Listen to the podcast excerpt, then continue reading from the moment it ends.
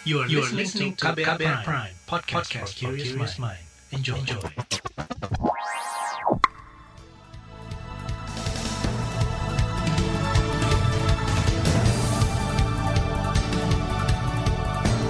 Selamat pagi saudara, senang sekali kami bisa menjumpai Anda kembali melalui program Buletin Pagi edisi Jumat 19 November 2021 bersama saya Naomi Liandra. Sejumlah informasi pilihan telah kami siapkan di antaranya pemerintah waspadai peningkatan mobilitas yang tidak didukung kepatuhan protokol kesehatan. 31 ribuan PNS terindikasi terdaftar penerima bansos. Puluhan ribu dosis vaksin di Banyuwangi, Jawa Timur terancam kadaluarsa. Inilah Buletin Pagi selengkapnya. Terbaru di Buletin Pagi.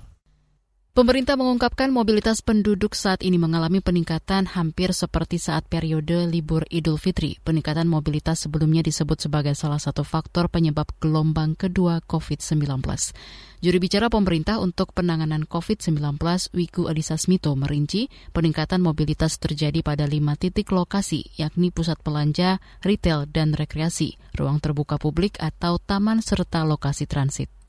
Keadaan ini perlu untuk dikendalikan agar tidak memicu kenaikan kasus ke depannya dengan cara tetap mengedepankan prinsip kehati-hatian dalam berkegiatan serta mengurangi mobilitas yang tidak diperlukan. Selain itu, mobilitas yang tinggi ini perlu dibarengi dengan peningkatan screening COVID-19 dengan memasifkan testing dan juga tetap melaksanakan protokol kesehatan dengan baik. Juru bicara pemerintah untuk penanganan COVID-19 Wiku Adhisa Smito menambahkan ada empat indikator yang dapat mempengaruhi peningkatan kasus pada periode libur panjang. Di antaranya mobilitas penduduk, cakupan vaksinasi rendah, kepatuhan protokol kesehatan, dan tingkat reproduksi atau tingkat penularan virus. Pemerintah sebelumnya juga menerapkan beberapa strategi untuk menghadapi libur Nataru, di antaranya larangan cuti bagi ASN, TNI, Polri, karyawan BUMN maupun swasta pada akhir tahun. Selain itu, pemerintah juga akan menerapkan PPKM level 3 secara nasional. Sebelumnya, Menteri Koordinator Maritim dan Investasi Luhut Binsar Panjaitan mengumumkan peningkatan mobilitas di Jawa Bali naik signifikan. Berdasarkan indikator Google Mobility, Per 17 November kemarin, lima provinsi dengan kasus harian terbanyak adalah DKI Jakarta, NTT, Jawa Barat, DIY, dan Jawa Tengah. Atas kondisi tersebut, Presiden Joko Widodo menginstruksikan pemerintah daerah mewaspadai potensi ledakan kasus COVID-19.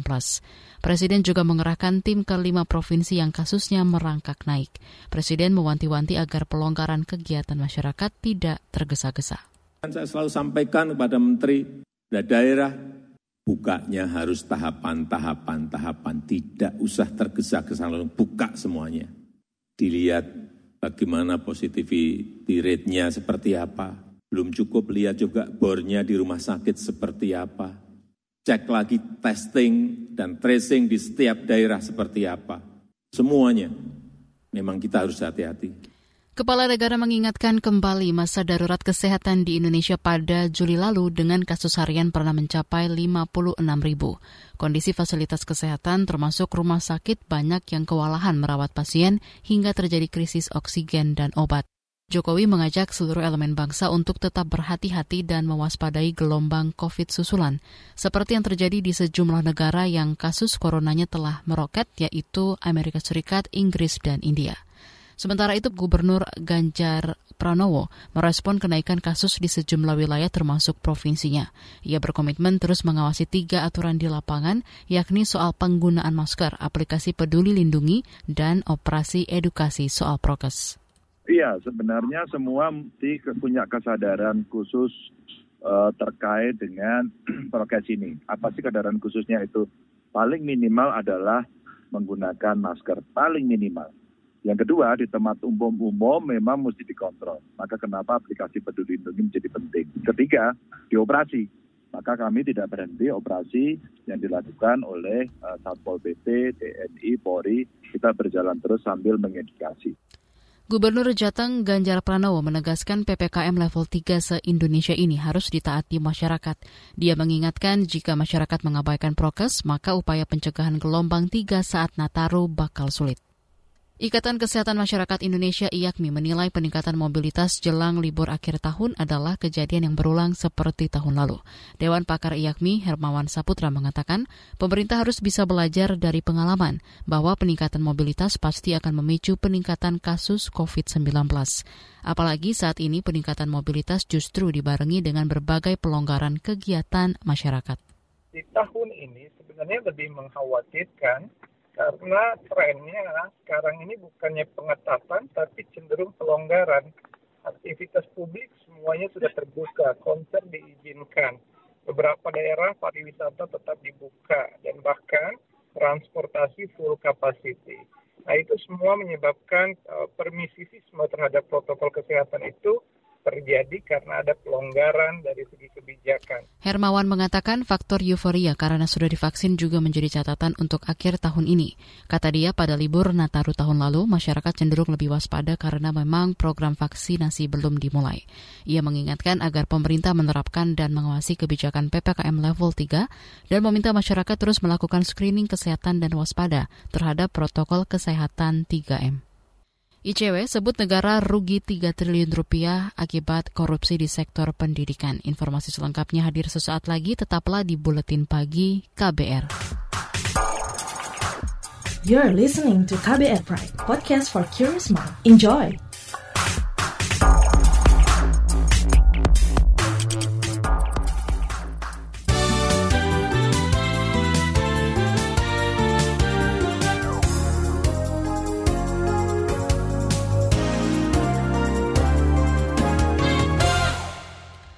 Pemerintah menargetkan angka kemiskinan ekstrim turun hingga di bawah 10 persen pada tahun depan dan target 0 persen pada 2024. Menteri Koordinator Bidang Perekonomian Erlangga Hartarto mengatakan target itu dilakukan secara bertahap mulai tahun ini di 35 kabupaten kota di 7 provinsi. Dari roadmap pengentasan kemiskinan tahun ini 35 kabupaten uh, kota di tujuh provinsi. Tahun depan, tahun 2022, di 212 kabupaten kota dengan prioritas perluasan dan tingkat kemiskinan ekstrim di angka 3 sampai dengan 3,5 persen. Dan di tahun 2023-2024 di 514 kabupaten kota prioritas dan tingkat kemiskinan uh, ekstrimnya di 2,3 sampai 3 persen.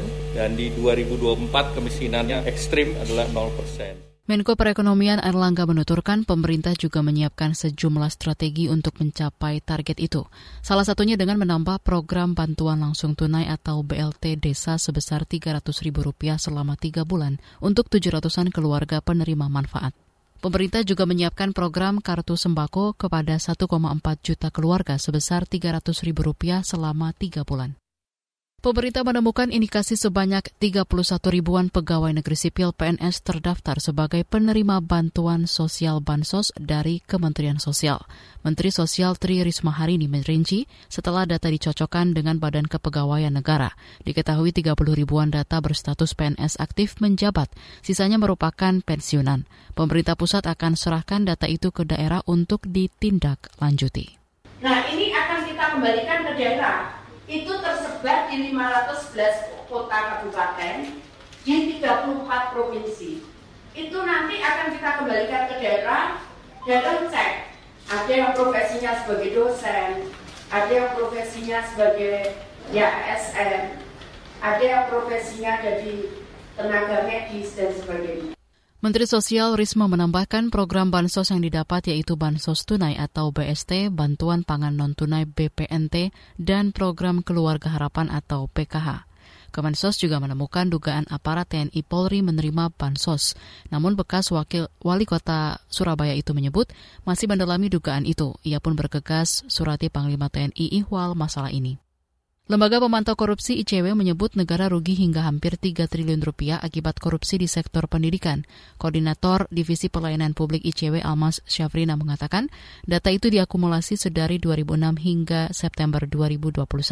Praktik korupsi ini marak terjadi di Dinas Pendidikan, sekolah, perguruan tinggi hingga kementerian atau atau kantor wilayah ada sedikitnya 240 kasus dengan kerugian negara mencapai 1,6 triliun. Ini kalau dikonversikan menjadi pembangunan ruang kelas, saya tidak tahu berapa, kira-kira kita punya ruang kelas atau bahkan sekolah baru begitu ya, seandainya uang ini tidak dikorupsi. Kemudian jika ditarik mundur sejak tahun 2006 sampai September 2021, artinya ada 665 kasus korupsi pendidikan dan ditindak oleh aparat penegak hukum dengan kerugian negara 2,905 triliun. Koordinator Divisi Pelayanan Publik dan Reformasi Birokrasi ICW, Almas Syafriana mengatakan, program bantuan operasi sekolah atau BOS paling sering dijadikan bancakan, disusul korupsi pembangunan infrastruktur, dana hibah dan bansos, hingga gaji dan insentif guru. LSM Hak Asasi Manusia imparsial mendorong Panglima TNI berkomitmen mengevaluasi pendekatan yang digunakan instansinya dalam penanganan konflik di Papua. Direktur imparsial Gufron Mabruri mengatakan, pendekatan keamanan di Papua yang harus dievaluasi seperti pelibatan militer mulai dari kebijakan, pengiriman pasukan, akuntabilitas operasi hingga transparansi. Jadi kalau memang Panglima TNI mau evaluasi ya segera dilakukan evaluasi, kemudian semua persoalan tadi dibereskan dan pelibatan militer di Papua harus ditata ulang secara lebih serius gitu kan, sesuai dengan kerangka regulasi yang ada, termasuk juga memastikan akuntabilitas ya. Dari uh, beberapa penyimpangan-penyimpangan apa uh, yang muncul dalam uh, konteks operasi di sana. Direktur Imparsial Gufron Mabruri meminta agar proses evaluasi penanganan keamanan di Papua harus melibatkan pihak lain, di antaranya Komnas HAM, kelompok perempuan, dan masyarakat Papua. Selain itu, TNI juga harus duduk bersama dengan pemerintah dan Dewan Perwakilan Rakyat untuk mewujudkan komitmen menangani konflik Papua dengan humanisme. Sebelumnya usai dilantik, Panglima TNI Andika Perkasa menegaskan kembali komitmennya untuk mengembalikan peran TNI dalam konflik Papua sesuai undang-undang. Namun konsep itu belum bisa diumumkan karena masih perlu dimatangkan. Kita ke informasi mancanegara. Tiongkok disebut tengah melobi Indonesia dan negara ASEAN lainnya untuk mengizinkan Myanmar menghadiri pertemuan tinggi blok tersebut dengan Presiden Xi Jinping pekan depan. Utusan Tiongkok untuk kawasan Asia mengunjungi Singapura dan Brunei pada pekan lalu untuk meminta hal itu. Namun permintaan itu dimentahkan oleh sejumlah negara ASEAN. Empat sumber diplomatik di Asia Tenggara yang identitasnya dirahasiakan mengatakan Indonesia, Brunei, Malaysia, dan Singapura menginginkan pemimpin junta militer Myanmar, Jenderal Min Aung Hlaing, diboykot dari KTT Cina ASEAN. KTT itu akan dihadiri para pemimpin negara ASEAN termasuk Presiden Joko Widodo dan Presiden Xi Jinping. Sebelumnya pada KTT ASEAN Oktober lalu, ASEAN sepakat tak mengundang Jenderal Min Aung Hlaing ke pertemuan negara-negara. Ini sebagai bentuk protes blok tersebut yang menganggap junta militer Myanmar tak serius menanggapi rekomendasi penyelesaian krisis pasca kudeta melalui lima poin konsensus.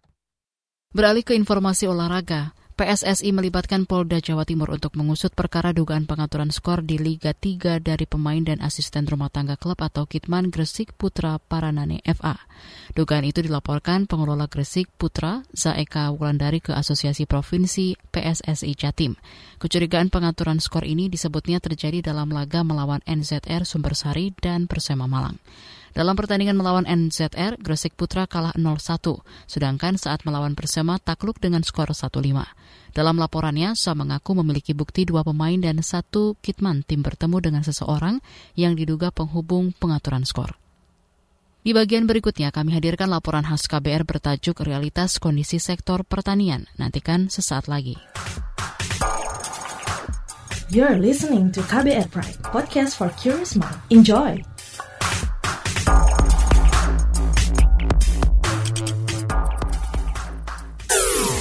Commercial break.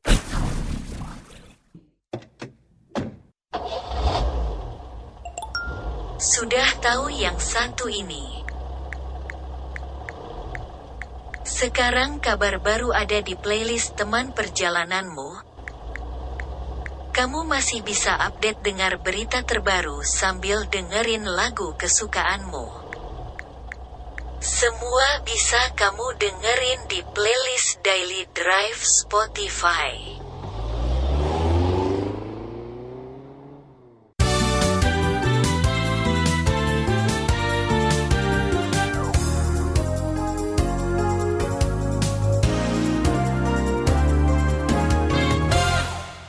Anda masih bersama kami di Buletin Pagi KBR. Pemerintah berencana mempercepat perubahan di sektor pertanian guna meningkatkan pertumbuhan ekonomi dari sektor ini, antara lain dengan penganekaragaman komoditas pertanian, kelembagaan petani, dan penguatan permodalan. Lalu bagaimana kondisi real pertanian dan sumbangannya untuk perekonomian Indonesia? Selengkapnya simak laporan khas KBR disusun Sindu Darmawan.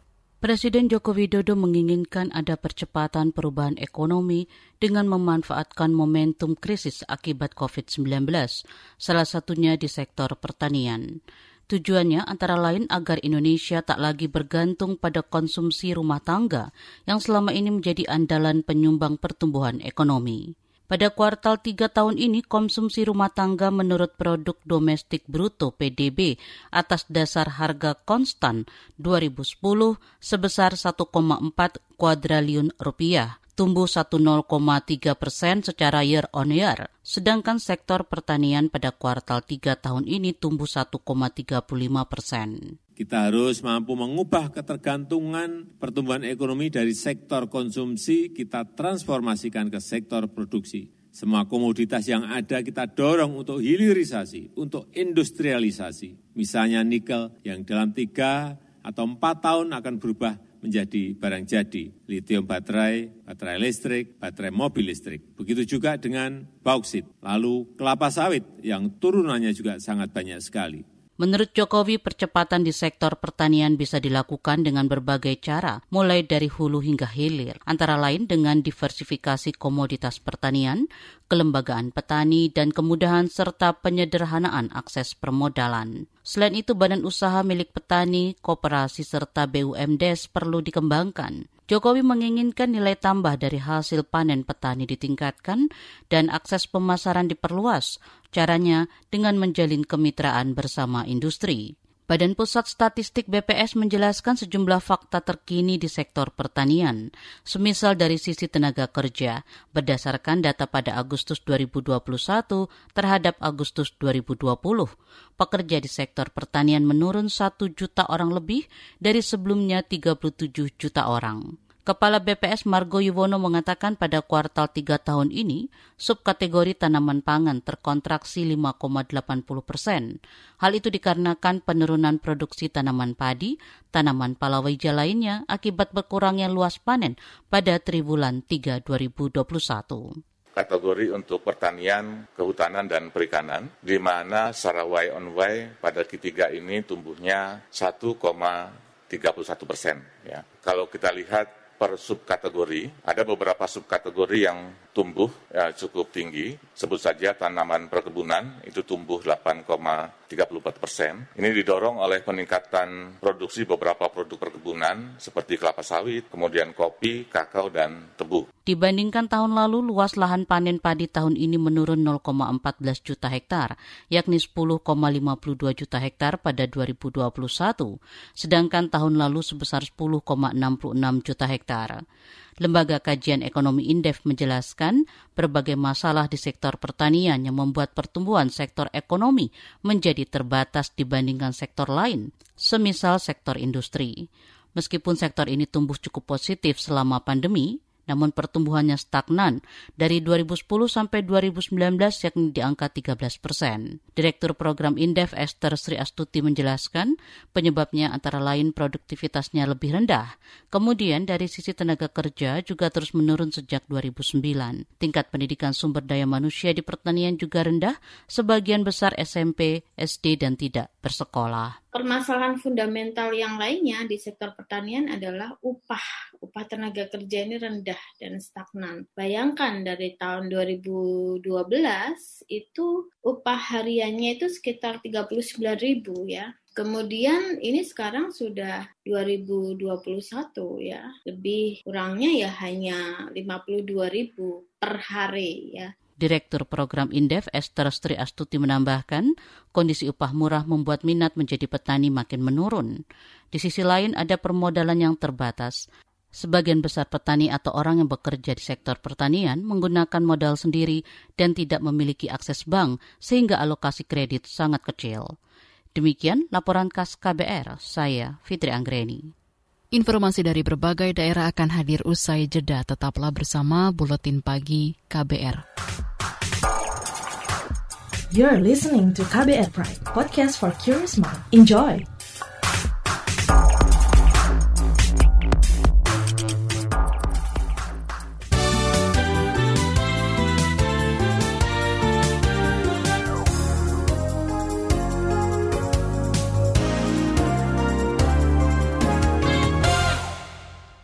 Inilah bagian akhir buletin pagi KBR. Kita mulai dari Provinsi Jawa Timur. Satgas Penanganan COVID-19 Banyuwangi, Jawa Timur mencatat sebanyak 60 ribuan dosis vaksin corona di wilayahnya terancam kadaluarsa. Ribuan dosis vaksin tersebut tersimpan di 40-an puskesmas setempat. Juru bicara Satgas Penanganan COVID-19 Banyuwangi, Wiji Lestariono mengatakan puluhan ribu vaksin itu memasuki tenggat waktu kadaluarsa pada akhir bulan ini. Imbasnya pemerintah harus segera menggunakan vaksin itu sebelum tak layak. Dari pantauan kami, memang ada beberapa wilayah yang perlu untuk ditingkatkan lagi eh, komitmennya, koordinasinya terhadap seluruh komponen yang ada di wilayah tersebut supaya bisa uh, lebih sukses lagi dalam menjangkau sasaran uh, lansia. Sekali lagi, beberapa wilayah kecamatan ini terpantau perlu untuk dilakukan peningkatan upaya menjangkau sasaran tersebut. Juru bicara Satgas Penanganan COVID-19 Banyuwangi Wiji Lestariono telah menginstruksikan kepada seluruh camat dan puskesmas untuk mendata lansia yang belum divaksinasi. Hingga akhir November ini, vaksinasi COVID-19 dosis pertama secara umum di Banyuwangi mencapai 72 persen lebih, sedangkan untuk vaksinasi lansia mencapai 56 persen lebih. Kita ke Kalimantan Barat. Pemerintah Provinsi Kalimantan Barat mendistribusikan 5.000 paket sembako dari Presiden RI Joko Widodo kepada korban banjir di Kabupaten Sintang. Gubernur Kalimantan Barat Sutarmiji menyampaikan terima kasih kepada Presiden Joko Widodo. Namun ia menegaskan banjir tidak hanya terjadi di Sintang, melainkan juga daerah sekitarnya, seperti Kapuas Hulu, Sekadau, Sukau, dan Melawi. Selain kita ada bantuan dari Presiden, seluruh kabupaten yang ada banjir. Itu menetapkan eh, status darurat bencana ya. Supaya beras cadangan pangan itu kan masing-masing kabupaten ada 100 ton itu bisa dicairkan. Minimal masyarakat itu berasnya ada dulu ya. Baru kita bicara dengan kebutuhan-kebutuhan lain ya. Apakah telur, sarden, instan Gubernur Kalbar Sutarmiji mengimbau kepala daerah yang mengalami banjir agar segera menetapkan status darurat bencana untuk proses pencairan bantuan. Banjir di Kabupaten Sintang telah terjadi selama sebulan terhitung sejak Kamis 21 Oktober lalu. Badan Penanggulangan Bencana Daerah BPBD Sintang mencatat sebanyak 35 ribu lebih kakak atau 124 ribuan warga terdampak. 25 ribu orang di antaranya terpaksa harus mengungsi. Sementara itu dari Jawa Tengah, Puluhan masa aksi Kamisan di Semarang berdemonstrasi menentang diselenggarakannya Festival HAM. Peserta aksi juga mengusir kepala staf kepresidenan Muldoko yang mencoba menghampiri dan berbicara dengan demonstran. Hal itu diungkap peserta aksi Kamisan Iqbal Alma saat dihubungi KBR. Ketidaksepakatan kita uh, berlandasan pada bahwa kita merasa bahwa festival itu tidak sepantasnya hari HAM itu tidak sepantasnya diadakan sebuah festival karena festival itu kan konotasinya kan lebih ke pesta. Spontan banget ya kita lagi melakukan orasi vertikal dan musik tiba-tiba ada rombongan keluar dari Hotel Paragon. Ternyata itu rombongannya Pak Muldoko sama Hendar Priadi dan mereka ingin menyampaikan sesuatu kita juga tolak. Dan akhirnya mereka memilih masuk kembali ke Hotel Paragon dan melanjutkan acara mereka. Peserta aksi menilai Festival HAM menciderai korban-korban pelanggaran HAM lantaran masih banyaknya kasus pelanggaran HAM yang tidak ditangani secara tuntas dan mengabaikan hak-hak korban. Selain itu, peserta mengkritisi terkait tak diberikannya ruang berbicara bagi korban pelanggaran HAM dan festival HAM tersebut. Semisal warga Wadas dan Urut Sewu yang menjadi korban karena mempertahankan ruang hidupnya. Informasi tersebut menutup jumpa kita di Buletin Pagi hari ini.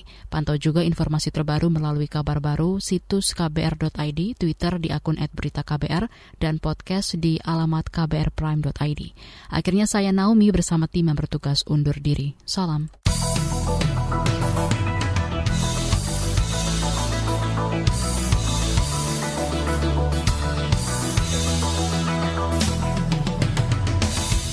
KBR Prime, cara asik mendengar berita. KBR Prime, podcast for curious mind.